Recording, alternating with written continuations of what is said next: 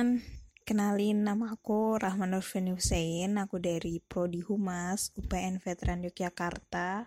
Nah, pada kesempatan kali ini aku bakal bawain sebuah materi dari mata kuliah dasar-dasar logika. Nah, materinya ini tentang term, klasifikasi, dan definisi. So, kita langsung masuk aja ke materinya. Check it out. Oke okay, guys, jadi di dalam komunikasi, kita tuh pasti tahu ya ada komunikasi verbal dan non-verbal. Nah, komunikasi verbal adalah komunikasi yang dikemas dengan kata-kata dalam bentuk lisan maupun tulisan, sedangkan komunikasi non-verbal adalah komunikasi yang umumnya itu pakai bahasa tubuh seperti gerakan tangan, raut wajah, gelengan kepala, ataupun tindakan-tindakan yang lainnya. Nah, sama dengan komunikasi verbal, dalam logika itu juga berfondasikan kata-kata atau yang biasa disebut term sebagai media untuk mengungkapkan pemikiran.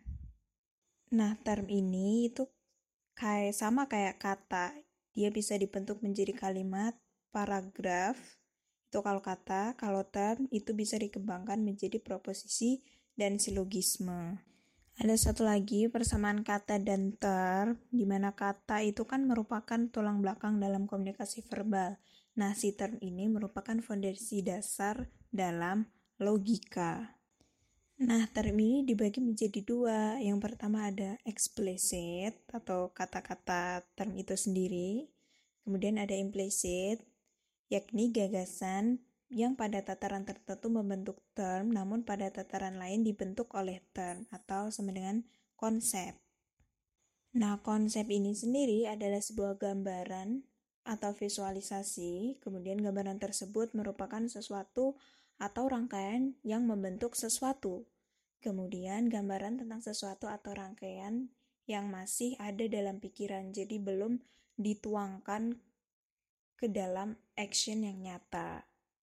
Sekarang kita bakal bahas term secara detail. Nah, term atau kata ini menyelidikinya beda ya dengan ilmu bahasa, yang mana kalau ilmu bahasa itu menyelidiki term dari segala aspeknya, tetapi dalam ilmu logika, penyelidikan term ini bertujuan untuk mencari pengertian term dan bagaimana penggunaan term itu secara tepat. Sekarang kita bakal bahas beberapa jenis pengertian term. Yang pertama ada positif negatif. Nah, term positif ialah term yang dinyatakan positif apabila menyatakan benda atau atribut yang ada. Jadi benar-benar nyata. Contoh, kayak meja, kursi, buku. Nah, itu kan ada. Jadi dia adalah term positif. Nah, term negatif ialah term yang akan, akan dinyatakan negatif apabila menyatakan benda atau atribut yang tidak ada atau diawali dengan salah satu dari tidak, tak, non, atau bukan. Contohnya, non-verbal, kemudian ada atau non-WNI, dan lain-lain. Kemudian ada universal, partikular, singular, dan kolektif. Nah, suatu term punya pengertian universal apabila ia mengikat keseluruhan bawahannya tanpa kecuali, Contoh manusia, hewan, tumbuhan.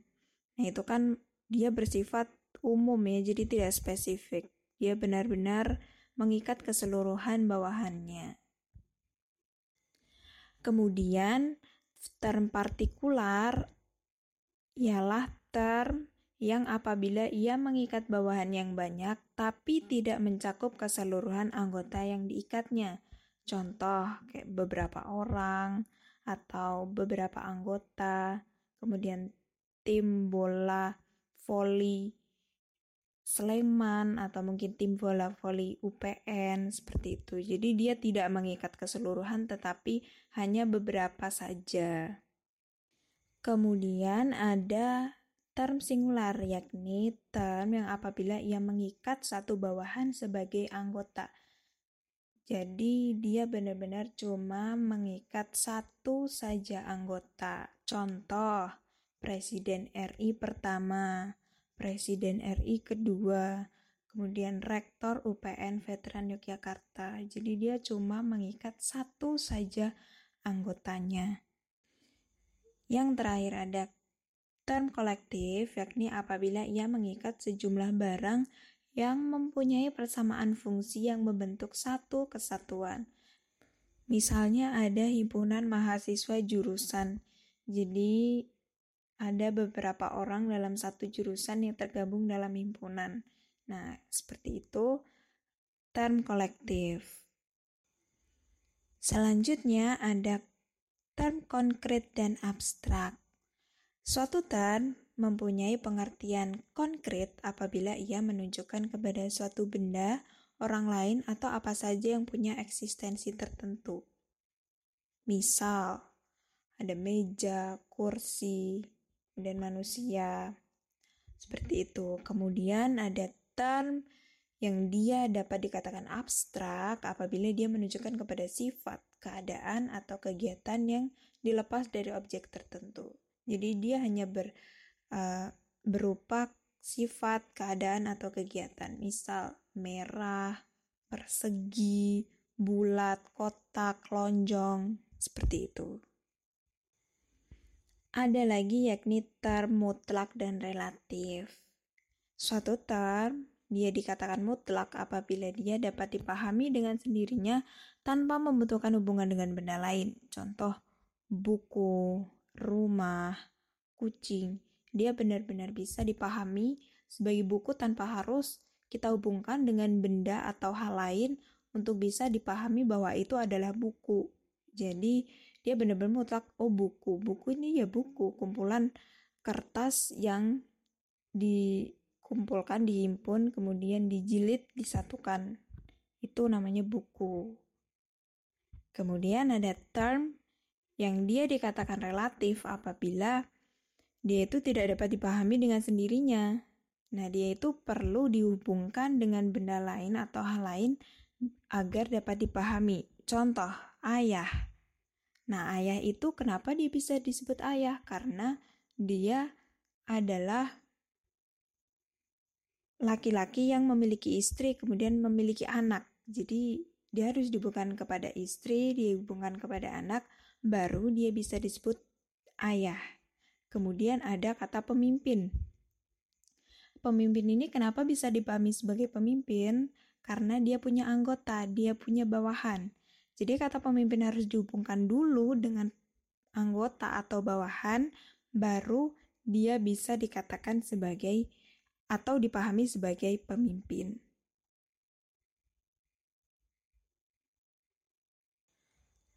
Lalu ada yang namanya term univok, equivok, dan analog. Term univok adalah kata yang memiliki makna uh, yang satu dan itu jelas, tidak membingungkan. Jadi benar-benar um, dia maknanya yaitu dan tidak memiliki dua atau lebih makna. Misal pulpen, meja, buku, pulpen itu kan maknanya ya pulpen adalah alat untuk menulis. Seperti itu. Jadi benar-benar tidak bisa dimaknai dengan hal lain karena memang maknanya cuma satu. Kemudian ada equivok adalah kata yang mengandung makna lebih dari satu. Umumnya hanya dua makna saja. Contoh ada bisa ular. Nah bisa ular ini memiliki dua makna. Yang pertama kata bisa itu artinya racun. Jadi bisa ular itu bisa diartikan sebagai racun ular. Kemudian kata bisa ini diartikan dapat. Dapat ini maksudnya dapat dijadikan obat karena memang ular bisa dijadikan obat untuk penyakit tertentu.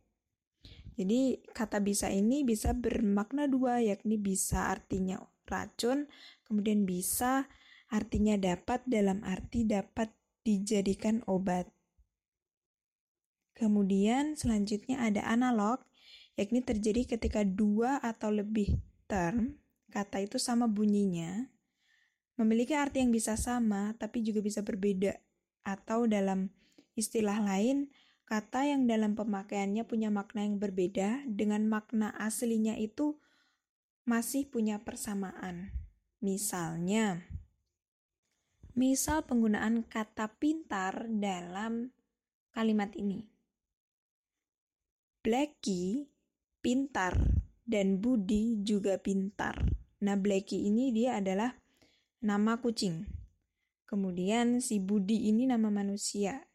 Nah, arti kata pintar ini sama maknanya dia pintar sebenarnya, tapi untuk penggunaannya digunakan untuk uh, manusia dan hewan itu berbeda. Jadi pintarnya manusia dan hewan itu berbeda. Contoh misal pintarnya kucing ketika dia dipanggil dia mendatangi atau mungkin ketika dia disuruh duduk atau disuruh um, bermain, dia menurut. Nah, itu pintarnya hewan, tetapi pintarnya manusia, pintarnya si Budi ini misal dia pintar matematika. Dia pandai mengerjakan soal-soal matematika. Dia adalah murid yang selalu punya nilai bagus. Nah, itu artinya pintar. Pintar dalam pengertian pintarnya manusia. Nah, sehingga dapat ditarik kesimpulan, nah kata pintar ini untuk si Blacky dan Budi ini tidak berarti si Blacky dikatakan pintar dia harus jago matematika atau mungkin harus dapat nilai 100 ranking 1 terus. Nah, tidak seperti itu. Karena pintarnya itu adalah pintar dari sudut pandang hewan bukan manusia. Nah, sebenarnya kata pintar ini kalau kita membuka pada kamus artinya adalah sama sebenarnya, tetapi untuk penggunaannya uh, akan berbeda ketika itu digunakan pada manusia dan hewan. Nah, jadi itu tadi adalah term. Sekarang kita masuk ke klasifikasi. Jadi, klasifikasi ini dapat ditemukan ketika kita sudah melakukan identifikasi, sebuah proses identifikasi. Nah, proses identifikasi ini yang pertama ada interaksi dengan objek, kemudian yang kedua mengenali objek, lalu membentuk konsep. Nah, si konsep ini nanti akan membentuk term, kemudian term ini nanti akan dikaitkan dengan objek lain yang mirip dengannya objek ini pada titik titik tertentu, kemudian selanjutnya dapat diperoleh sebuah klasifikasi. Nah, klasifikasi ini dibagi menjadi dua, yakni klasifikasi alamiah dan juga klasifikasi buatan. Nah, klasifikasi alamiah ini ditetapkan untuk menata sesuatu berdasarkan sifat dasarnya atau biasa disebut juga dengan klasifikasi ilmiah. Nah, adapun untuk klasifikasi buatan, ini diarahkan untuk memungkinkan kita menangani kompleksitas sesuatu di dalam kondisi tertentu dengan cepat dan semudah mungkin. Klasifikasi buatan ini masih dibagi lagi menjadi dua, yakni klasifikasi indeks atau pengelompokan sesuatu berdasarkan atribut eksternal hal itu, dan juga klasifikasi diagnosis yakni klasifikasi yang ditujukan untuk mengidentifikasikan objek. Sekarang kita lanjut ke definisi. Definisi berasal dari bahasa Latin yakni definitio yang berarti pembatasan. Nah, definisi ini punya tugas khusus yakni menjelaskan arti kata-kata atau term. Nah, definisi ini adalah satu susunan kata yang digunakan untuk menetapkan arti bagi satu kata tertentu atau satu grup kata. Nah, ini dilakukan dengan tepat, jelas, dan singkat. Nah, definisi ini sendiri punya berbagai macam jenis. Ada sekitar lima jenis definisi. Yang pertama, ada definisi stipulatif, yakni definisi yang menetapkan arti untuk satu kata baru. Nah, ini mencakup penciptaan suatu kata baru atau pemberian arti baru untuk kata yang lama. Umumnya bertujuan menggantikan ungkapan yang lebih kompleks dengan satu ungkapan yang lebih sederhana. Jadi dia intinya adalah menyederhanakan ungkapan yang ribet atau kompleks menjadi lebih sederhana dan tentunya mudah banget untuk dipahami. Contoh, ada planet namanya planet merah. Planet merah ini terletak di urutan 4 dalam tata surya, dekat dengan bumi dan planet Jupiter. Nah, dengan ungkapan yang begitu ribet ini, si planet merah letaknya keempat dalam tata surya, kemudian terletak di antara planet bumi dan Jupiter. Nah, ini disederhanakan menjadi satu kata yang disebut planet Mars. Begitu. Definisi stipulatif ini ditetapkan secara arbiter, jadi tidak dapat dibilang ini tuh definisi stipulatif yang benar ataupun yang salah. Jadi benar-benar tidak bisa dikatakan ini benar atau salah, karena ditetapkan secara arbiter. Nah, berdasarkan alasan yang sama, definisi stipulatif tidak dapat memberikan informasi baru tentang ciri pokok dari diviendum. Diviendum. Apa itu diviendum? Nah, diviendum ini adalah kata atau kelompok kata yang sudah didefinisikan. Kemudian yang kedua ada definisi leksikal. Definisi leksikal ini dipakai untuk melaporkan arti yang sudah dimiliki oleh satu kata dalam kamus bahasa. Contohnya, definisi Contohnya adalah definisi diksioner atau yang terdapat di dalam kamus. Kemudian, definisi leksikal mendaftar bermacam-macam arti yang dimiliki suatu kata dengan tujuan mengeliminasi ambiguitas yang muncul jika satu dari arti yang dimaksudkan dicampur adukan dengan arti lainnya. Jadi definisi leksikal ini dia bersifat untuk mengurangi ambiguitas, jadi memperjelas satu makna agar ketika si makna ini nanti dicampur adukan dengan makna lain dia tidak akan berubah makna. Seperti itu. Yang ketiga definisi yang tepat. Definisi yang tepat ini bertujuan mengurangi ketidakjelasan arti suatu kata. Jika demikian, seseorang dapat mencapai satu keputusan tentang berlakunya satu kata dalam situasi tertentu. Jadi, fungsinya adalah memperjelas satu kata yang bisa digunakan untuk situasi tertentu.